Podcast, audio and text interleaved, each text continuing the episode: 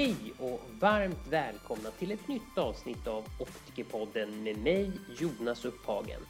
I månadens avsnitt ska vi titta närmare på Optikerförbundets verifierade kompetenser och detta ska vi göra tillsammans med optikerna Peter Lewis, Stina Lönn och Lena Lindeli Pettersson. Så nu över till intervjun.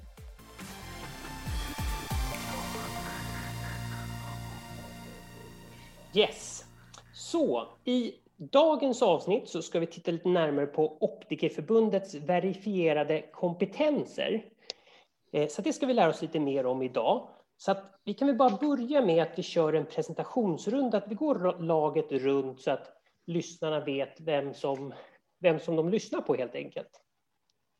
Okej, okay. jag heter Peter Lewis, har suttit som eh, suppleant i Optikerförbundet i tre år. Jobbar även på Linnéuniversitetet som programansvarig. Har vi någon mer här som är med oss idag? Ja, Lena heter jag. Eh, Lena Pettersson Lindeli. Eh, jag har jobbat som optiker sedan 2002.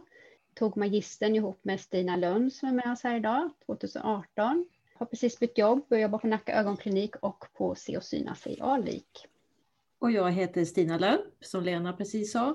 Optiker med examen. Jag jobbar på synoptik på servicekontoret där jag eh, är chef för klinisk utveckling. Så att jag jobbar inte kliniskt just nu utan jag jobbar och hjälper mina kollegor att bli mer kliniska. Perfekt. Och som lyssnarna har börjat förstå vid det här laget så spelas ju podden numera in på distans efter rådande omständigheter. Så att vi träffas ju inte fysiskt här idag utan det, inspelningen sker ju på distans. Men vi kan väl börja med att Peter berättar för lyssnarna vad verifierade kompetenser är för något. Ja, jag tror att vi alla är överens om att optikens roll är klinisk mycket brett. Vi kan i de flesta fallen hjälpa majoriteten av patienter som kommer till oss. Men vissa patienter kan behöva hjälp av optiker som har andra, andra nischade intresseområden. Så verifierade kompetenser ger medlemmarna i Optikerförbundet en möjlighet att synliggöra sina specialkompetenser och specialkunskaper inom ett antal väl utvalda områden. Vilka verifierade kompetenser är det som finns i dagsläget? Mm. Eh, I dagsläget erbjuder vi fem kompetensområden som är sökbara. Och de är screening för diabetes retinopati, tillpassning av avancerade kontaktlinser, tillpassning av ortokej-linser, svagsynsoptometri och samsynsproblem. Så är det de fem.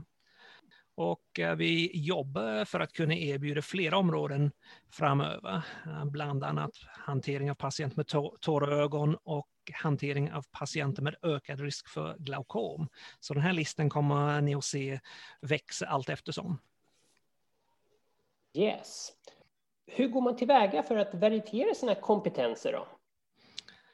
Så som medlem i Optikerförbundet så först loggar man in på intranätet om man sen scrollar ner till verifierade kompetenser i vänstra fältet. Eh, jag tror att det finns en bild av en provglaslåda och strax under bilden så står det en liten röd skylt där det står läs med. Klick på den så kommer du direkt in till sidan verifierade kompetenser. Och där finns det en kort sammanfattning av de sökbara kompetenserna som finns tillgängliga i dagsläget. Därefter väljer man vilket område man vill anmäla sig till och när man har väl klickat sig in i det området så får man mer information om vilka moment som behövs för att kunna verifiera sig. Eh, så vissa kompetensområden område kräver att man laddar upp ett intyg från genomgången utbildning eller kurs, som till exempel um, screening för diabetes retinopati. Och sen för andra behöver man först skriva en kort tentamen och därefter ladda upp ett antal fall. I dagsläget har vi tre stycken som är kravet för att ha som bevis på att man verkligen jobbar aktivt inom detta område.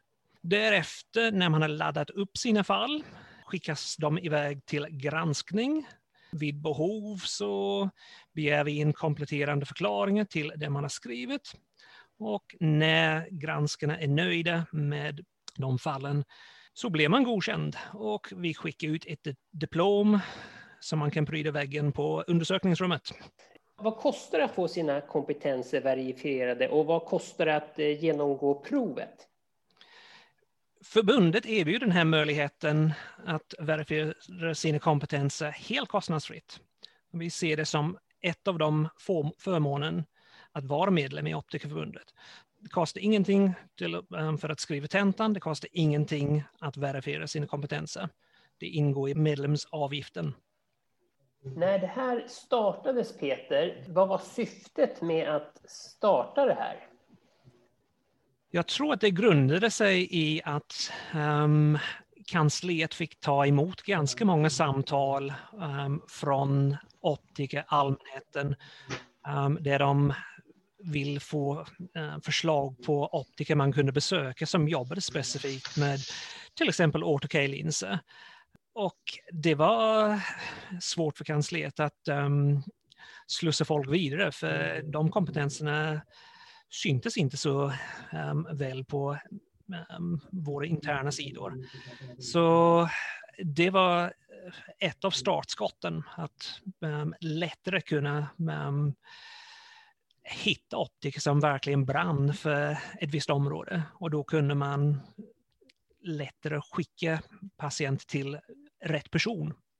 Man kanske kan tillägga att vi vill också ge ett mervärde att vara medlem i Optikerförbundet och här såg vi också en möjlighet att um, hjälpa optiker um, synliggöra sina kompetenser.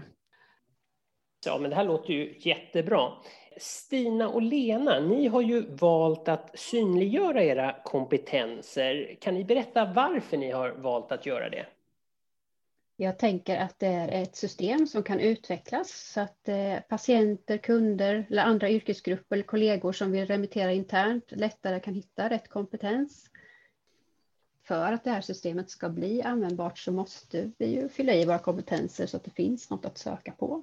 Så det är väl bara att hugga tag och börja fylla i, tänker jag. Jag är med i en keratokonusgrupp där de ofta ställer frågan var kan vi hitta optiker som jobbar med minisklara linser? Och då tycker jag att då är det ett jättebra verktyg att kunna tipsa om den här sökmotorn för att patienter ute i landet ska kunna hitta de optiker som jobbar med det. Men eh, det behöver fyllas på då så att vi vet var de finns någonstans.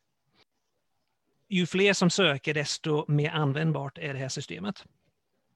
Samma fråga till Stina. Ja, jag jobbade ju kliniskt när jag ansökte om kompetensen och sen har jag då valt eh, att jobba mer administrativt. Men jag utbildar i samsynsproblematik. Och då känner jag att det ger mig en formell kompetens. För det liksom ger lite mer tyngd när man är utbildare. Vilka kompetenser har optikerna sökt i högst utsträckning? Alltså vilken kompetens har varit mest populär hittills? I dagsläget så är det klart flest som har sökt ehm, screening för diabetes. Ehm, och vi är runt 22-23 personer som har ansökt om den kompetensen.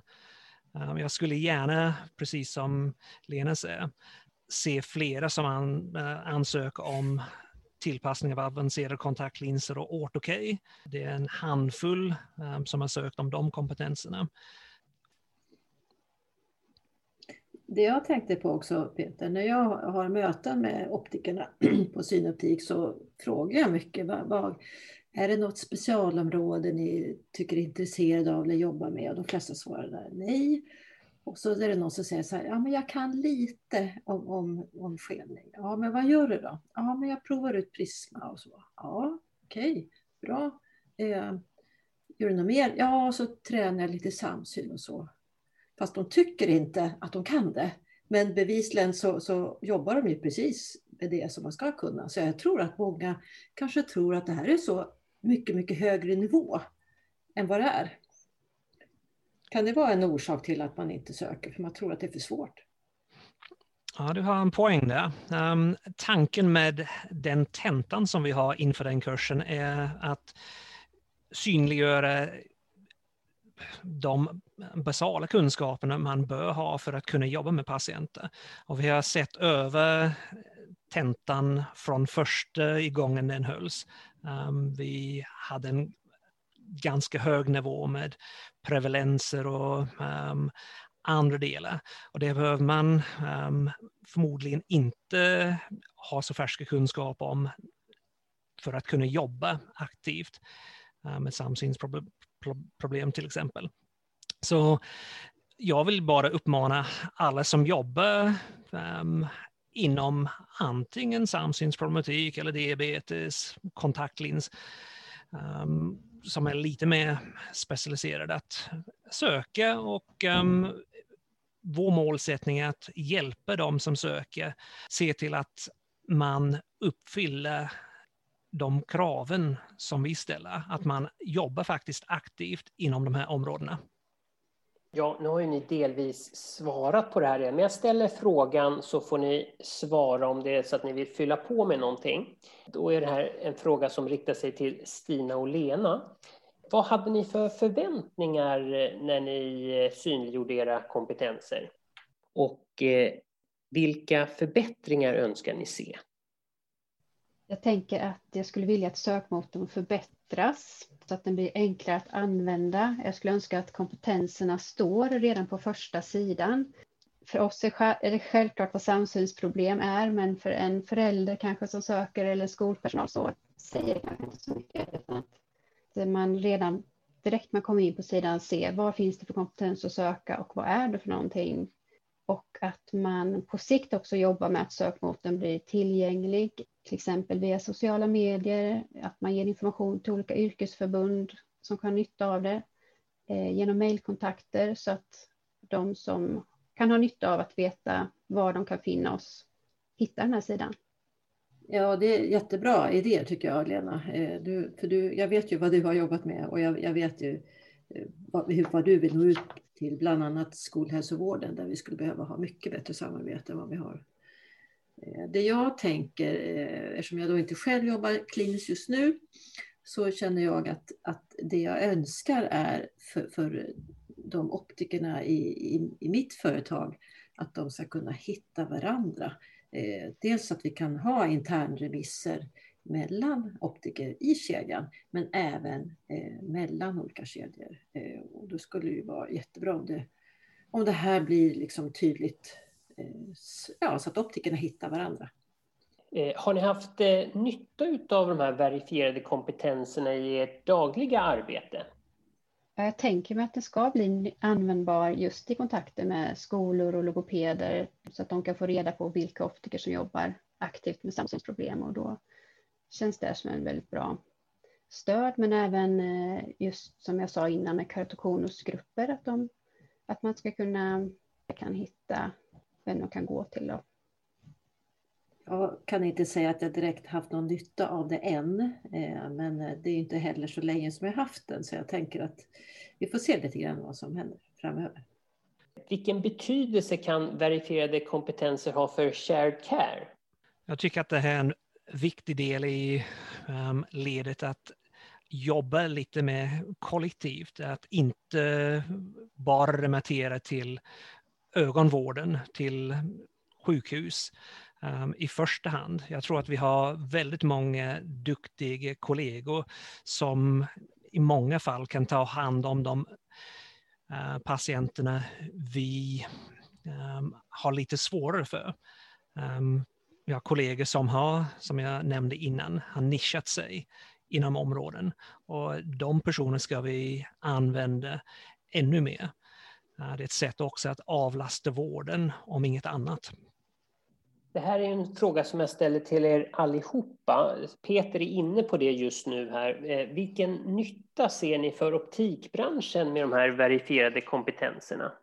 Nej, men det är väl det vi, har har sagt mycket redan, men jag tänker att det är väl också för, för eh, ögonläkare, ögonkliniker, att de kan, faktiskt kan, kan hitta det samarbetspartner och sen så hitta optiker. Man kanske har en patient som opererar för gråstarr och så ser man att det finns ett annat problem också, eh, ett skenning eller någonting annat som, som man tänker att det här kanske en optiker skulle kunna fortsätta med. Och, och hitta då en bra optiker att remittera till jag kan kanske flika in lite till, till där också. Jag, jag vet redan um, när jag diskuterat med kansliet um, att det är en eller två personer varje månad som ringer in till förbundets kansli och försöker ta reda på, är det någon som tillpassar till exempel AutoK-linser eh, i min region? Så den här sökfunktionen som vi har pratat om har förbättrats. Den håller på att förbättras ytterligare. Eh, vi har gjort det möjligt, möjligt att ehm, söka optiker från hela Sverige nu ehm, istället för bara regionsvis. Här är det, som, som ni säger, viktigt att man som andra hälsovårdgivare kan lätt ehm, hitta patient eller hitta optiker som jobbar aktivt inom vissa områden, men även att patienter ska kunna hitta uh, optiker som har specialiserat sig inom tillpassning av speciallinser eller samsynsproblematik och så. Absolut, kan vi ha. Eh, jag tänker med mycket kanske glaukom och just diabetespatienter. Förutsatt att vi har då glaukom som en verifierad kompetens, för det är inte klart. Men jag tror att alla dessa kompetensområden kan man um, se som en möjlighet att jobba lite enligt shared care-principerna. Inte bara diabetes och glaukom, utan andra, de här andra områdena också. Och vi får inte glömma bort att shared care är inte bara oss um, och läkare, utan vi kan även jobba med kollegorna um, på en shared care-modell. Sen tycker jag att vi ska ha ett svenskt namn på Sharecare, det har jag sagt förut. Delat vårdansvar, delad vård, eller vad vi nu ska ha. En stor nytta kan ju vara för de som behöver göra en eh, undersökning i cyklo, att kunna söka upp, söka upp eh, var det finns optometrister som har eh, dropprätt och internremittera.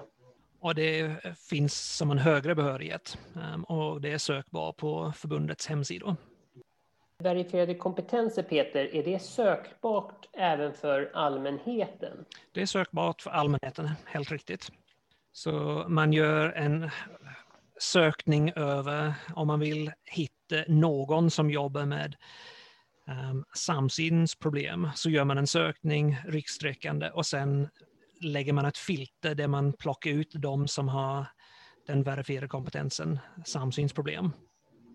Lena och Stina, har ni verifierat alla era kompetenser eller vilka delar är det som ni har verifierat? Eh, jag har eh, verifierat eh, samsynskompetensen, ortoko och avancerade linser. Jag har verifierat samsynsproblematik. Får man lägga in ett önskemål, Peter, på andra kompetenser? Yes. Det, det jag skulle vilja ha, alltså glaukom är på gång, det är jättebra. Mm. Eh, barnundersökning, för att eh, kunna göra lite mer avancerat på barn, eh, att vi ser mycket speciella problem på barn idag. Där kanske cyklo skulle ingå, men det skulle jag gärna se som en egen kompetens. Jag skulle också vilja se, om man nu får kalla det så, neurovisuella problem. Alltså eh, de som har problem Eh, efter eh, trauma mot huvudet, som har problem efter utmattningsdepression. Vi kommer nog se ett ökat fall av de som har haft eh, covid-19 och legat i respirator. Man ser att de har lite, lite gamla men även lite nya problematik och de här kräver en så helt annat angreppssätt än vad man normalt jobbar med undersökning. Det skulle jag gärna se som en egen kompetens. Ja, det är eh, jättebra förslag här Stina. Och det är någonting jag skulle gärna vilja få in förslag från lyssnarna. Att om det är ett område som man eh, tycker att nej, det här saknas, det är någonting jag jobbar med, um, så kan man um, kontakta oss och um, skicka in de förslagen så jobbar vi att se till att de kompetenserna är också sökbara. Det jag, jag tycker det här är bra också. När jag då som jobbar inom en stor kedja så det här är någonting som alla optiker vet att kunskapen och kompetensen varierar mellan optiker. Men är man inte optiker och jobbar man till exempel på en HR-avdelning, man har ingen aning. Man vet inte vad som skiljer. Man kan se att en optiker är legitimerad och man kan ha kontaktlinsbehörighet och möjligtvis synergonomikompetens. Så att det här är ju bra om den här kunskapen, informationen Eh, lyfts på flera sätt. För det blir väldigt mycket lättare då att, att arbeta. Och också ställa om man tittar på till exempel utbildningsbehov så kan jag ju se att vi skulle behöva mer utbildning om det här. Och, och det är ju ibland svårt för att, för att det, är så bara, det, är upp, det är bara optiker som liksom fattar den här kompetensen. Det är ingen annan som förstår. Liksom, Jaha, men kan man inte, får man inte lära sig det på optikerprogrammet? Och just att optogrammet är en sån grund och sen så finns det så otroligt mycket mer att bygga på. Så att ju mer det här kommer ut, desto mer kommer vi få förståelse för flera led inom den optiska branschen. Ja, jag kan ju tillägga att jag har ju också verifierat en kompetens. Jag har ju verifierat eh, diabetesfotoscreening och eh, jag vet inte om det finns något samband där, men jag kan tycka att det är värt att nämna ändå att Eh, jag driver ju ett bemanningsföretag eh, och eh, efter att jag hade verifierat mina kompetenser, då fick jag faktiskt förfrågningar på kunder som hörde av sig och frågade om jag kunde hjälpa till med diabetesfotoscreening. Jag, jag vet faktiskt inte om det var så att de hade sökt på, på Optikerförbundets hemsida, men ändå så fick jag förfrågan strax efter att jag hade registrerat mig där. Folk från branschen använder det här för att se också vilka kompetenser som finns i branschen. Sen jobbar ju jag lite med rekrytering också och då har jag använt det här verktyget för jag vill ju knyta mig an optiker som har någon särskild extra kompetens. Så att jag har ju använt det här lite som ett ja, rekryteringshjälpmedel för att se vart, vilka optiker är det som har valt att fördjupa sig i ett område. Så att eh, man kan ju använda det här till flera olika saker. Eh, vi har ju varit inne på den här frågan. Jag tycker att det har varit eh, mycket kommentarer om vad som kan förbättras. Har ni någonting ni vill tillägga där? Är det någonting ytterligare som ni känner att, att det här är någonting som vi kan förbättra med, med de verifierade kompetenserna? Ja, dels det som vi sa innan, att sökmotorn ska bli mer lättförståelig för folk utanför vår bransch om de går in och söker. Eh, men så känner jag också att att det är en utmaning att spegla hela branschens kunskap eftersom det kanske finns, det är svårt att få in alla legitimerade optiker i det här systemet. Kanske en del som inte känner att de har tiden att lägga ner på fallbeskrivning och så. Men när man åtminstone kan uppmuntra minst en person per klinik eller butik att gå in och verifiera sig så att, så att butiken och kliniken finns i systemet så, så att man börjar spegla branschens kunskap lite mer. Ja, det är en jättebra idé tycker jag. Jag håller med fullständigt där. Just nu är det vissa kompetenser där vi inte har så många utanför storstadsregioner. Jag tror att det är minst lika viktigt att ha folk på landsbygd som vill verifiera sig också, så att det är lättare att hitta dem. Sen har vi en tröskel att gå över som inte egentligen har med kompetensen att göra, men jag tror att många känner att det känns lite svårt att remittera en kund till en annan kedja. Eh, för att som optiker, det är inget konstigt, vi samarbetar liksom ganska lätt över gränserna. Men för övriga eh, medarbetare i butiken kan det kännas jättekonstigt. Det kan kännas som att man kanske förlorar en kund. Eh, men det här har diskuterats och läst om det här att man, man, tar ju alltså inte över kunden utan man, man gör ju det man ska. Sen får ju kunden köpa glasögon vad de vill. Men att måste, man måste ändå ha en, eh, en schysst attityd till det här. Att man, får man en remiss så, så får man ju faktiskt ja, naturligtvis svara, eh, ge remissvar.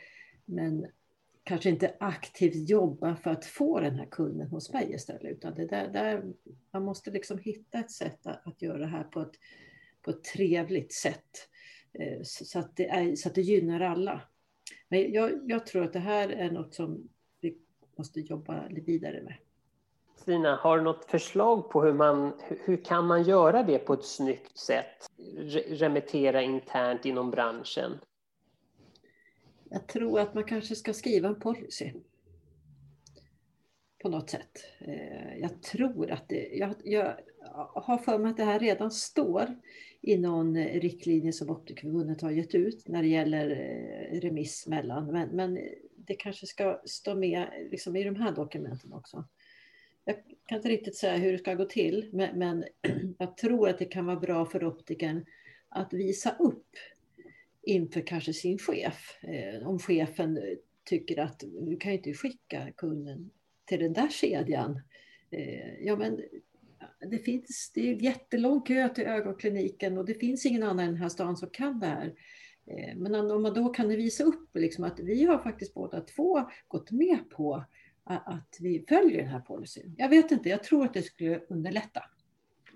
Jag tror också att um, patienten eller kunden, vad man vill kalla dem för, skulle ha högre respekt för den som remitterar, som erkänner att nej men det här är inte mitt specialistområde. Jag tycker att du ska gå till um, optiken X nerför gatan.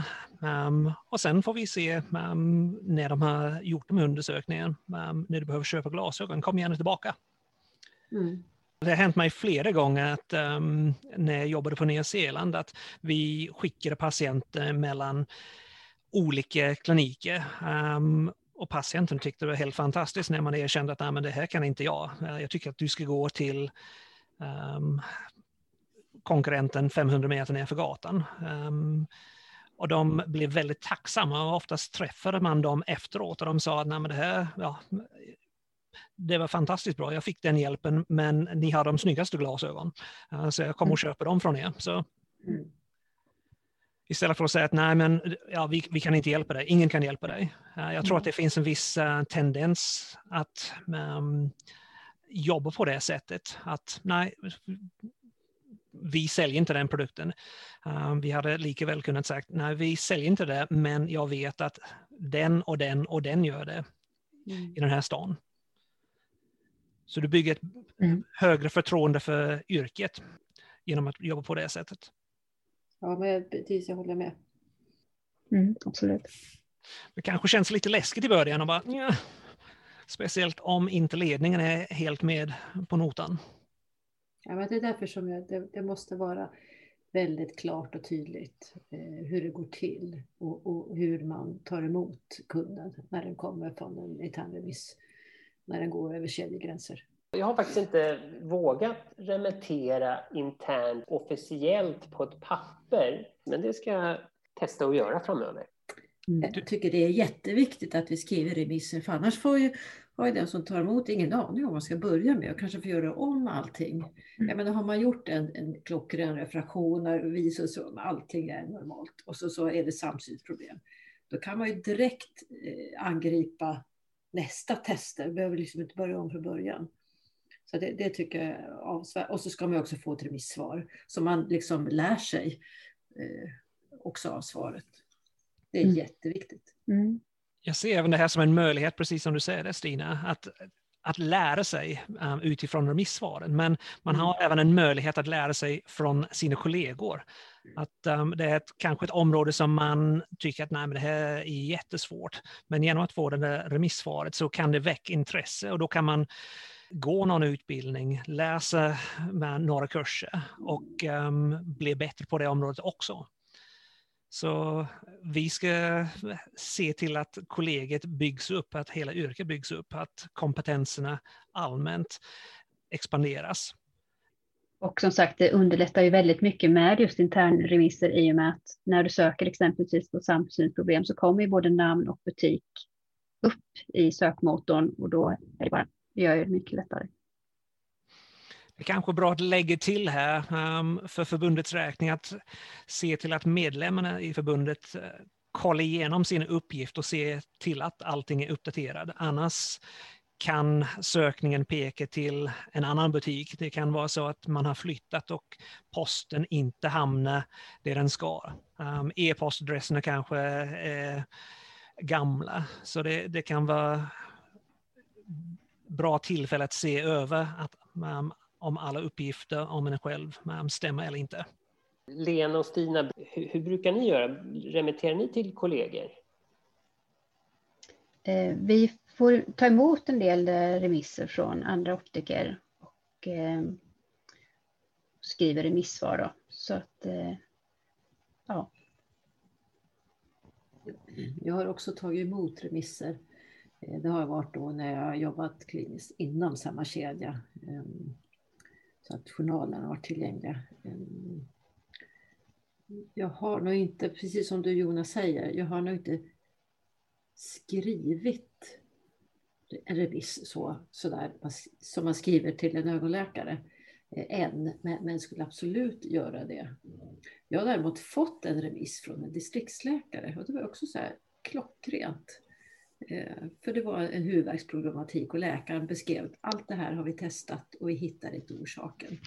Eh, och så fick ju läkaren också då ett svar från mig. För då fick han säga, ja ah, okej, okay, då kanske jag vet det till nästa gång. Så behöver vi kanske inte göra alla de här testerna utan vi kan ju skicka dem till optiker tidigare i, i, i, när vi går igenom olika alternativ. Så det, det är alltså, absolut, skriva remisser i, i kanon åt, åt alla håll. Jag undrar egentligen hur många gånger det är att patienter skickas direkt till ögonkliniker från allmänläkare.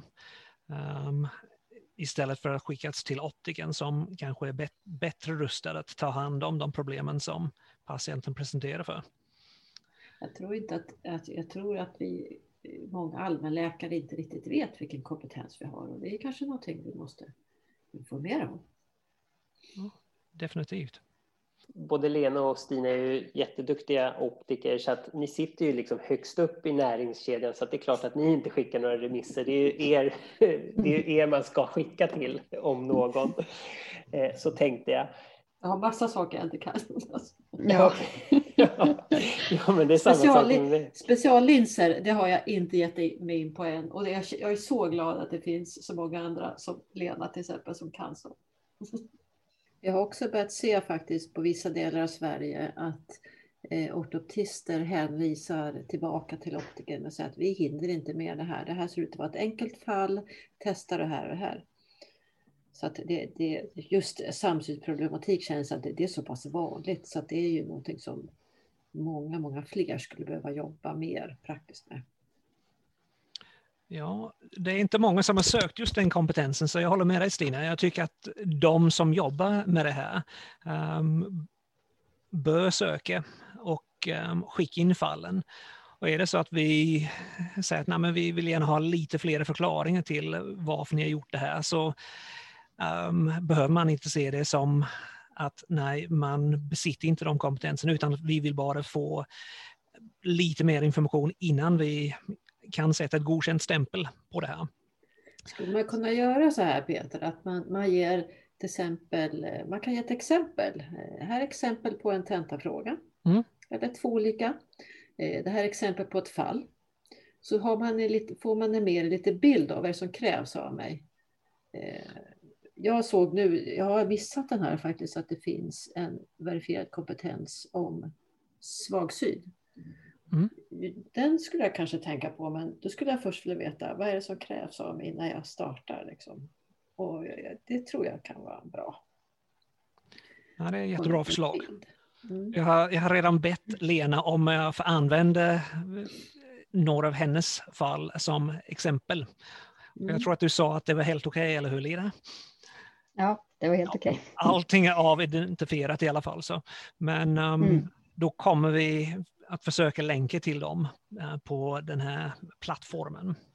Ehm, det är någonting vi kan se fram emot ehm, efter årsskiftet. Ihop, ihop med vaccin på covid. Ja, precis. Och, det är och då kan man ju kanske välja något fall som inte är det mest avancerade utan ett som är vanligt. Alltså konvergensinsufficiens eller ackommodation. Alltså det här som vi ändå hittar hos väldigt många och som mm. är inte så svårt att lösa. Ja, det tror jag ska vara bra inom alla kompetenser, eh, alla verifierade kompetenser, att man, man får en liten bild liksom. Och så tittar man så ser man, ja fast det där skulle jag ju kunna gjort. Jaha, det är inte, det är inte svårare än så här, tror jag många skulle säga. Jag tror att du har rätt där också. Mm. Så, men då har vi pratat lite om det här med verifierade kompetenser och jag har fått svar på de frågor som jag hade.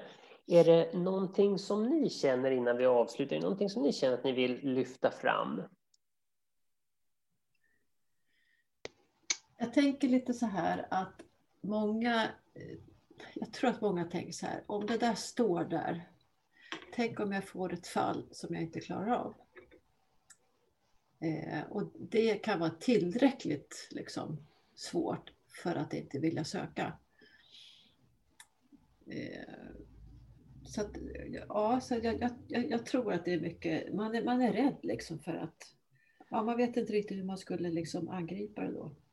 Jag förstår problematiken där, det du säger Stina. Um, men jag tror inte att folk behöver vara så oroliga. Um, ja, är det så att man jobbar med de här patienterna regelbundet, för det är det vi är ute efter, att um, man ska kunna söka upp optiker som har det här som eh, lite bread and butter, att man jobbar aktivt inom den här områden. Um, därför har vi också satt um, krav på att fallen som skickas in inte får vara um, äldre än sex månader. Bara för att säkerställa oss att åtminstone en gång i månaden eller helst eh, en gång i veckan har man tagit emot patienter med de här problemen och har kunnat lösa de problemen. Eh, vi är inte ute efter att se att man kan hantera patienter med väldigt obskura eller konstiga problem, utan ja, precis som du nämnde innan Stina, ehm, de vanligaste fallen. Konvergensinsufficiens, um, ehm, akkommodativ, akkommodativa problem. Jättebra. Yes, nej men sådana fall så återstår det bara för mig att tacka alla för att ni tog er tid att prata lite med mig här i Optikerpodden. Tack själva. Ja, tack, tack. Det var jättetrevligt. Ja, hej då. vi hörs. Ha det gott. Hej, hej.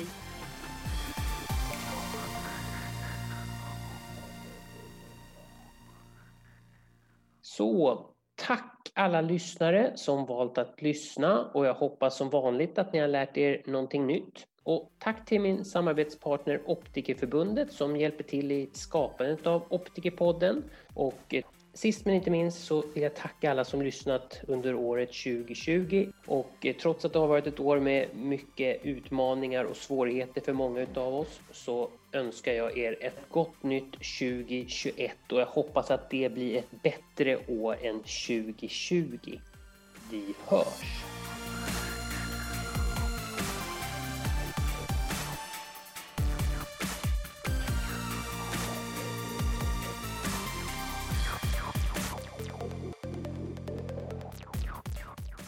Yes, men vi, vi, vi kör igång här så att jag säger bara så här. Eh, jag ska säga, jag har en katt Du har någon katt är, i bakgrunden, ja. Ja, jag ska få tyst på honom. Han får sitta i knät på mig, då brukar han bli tyst. Jag kommer tillbaka alldeles strax. Ja.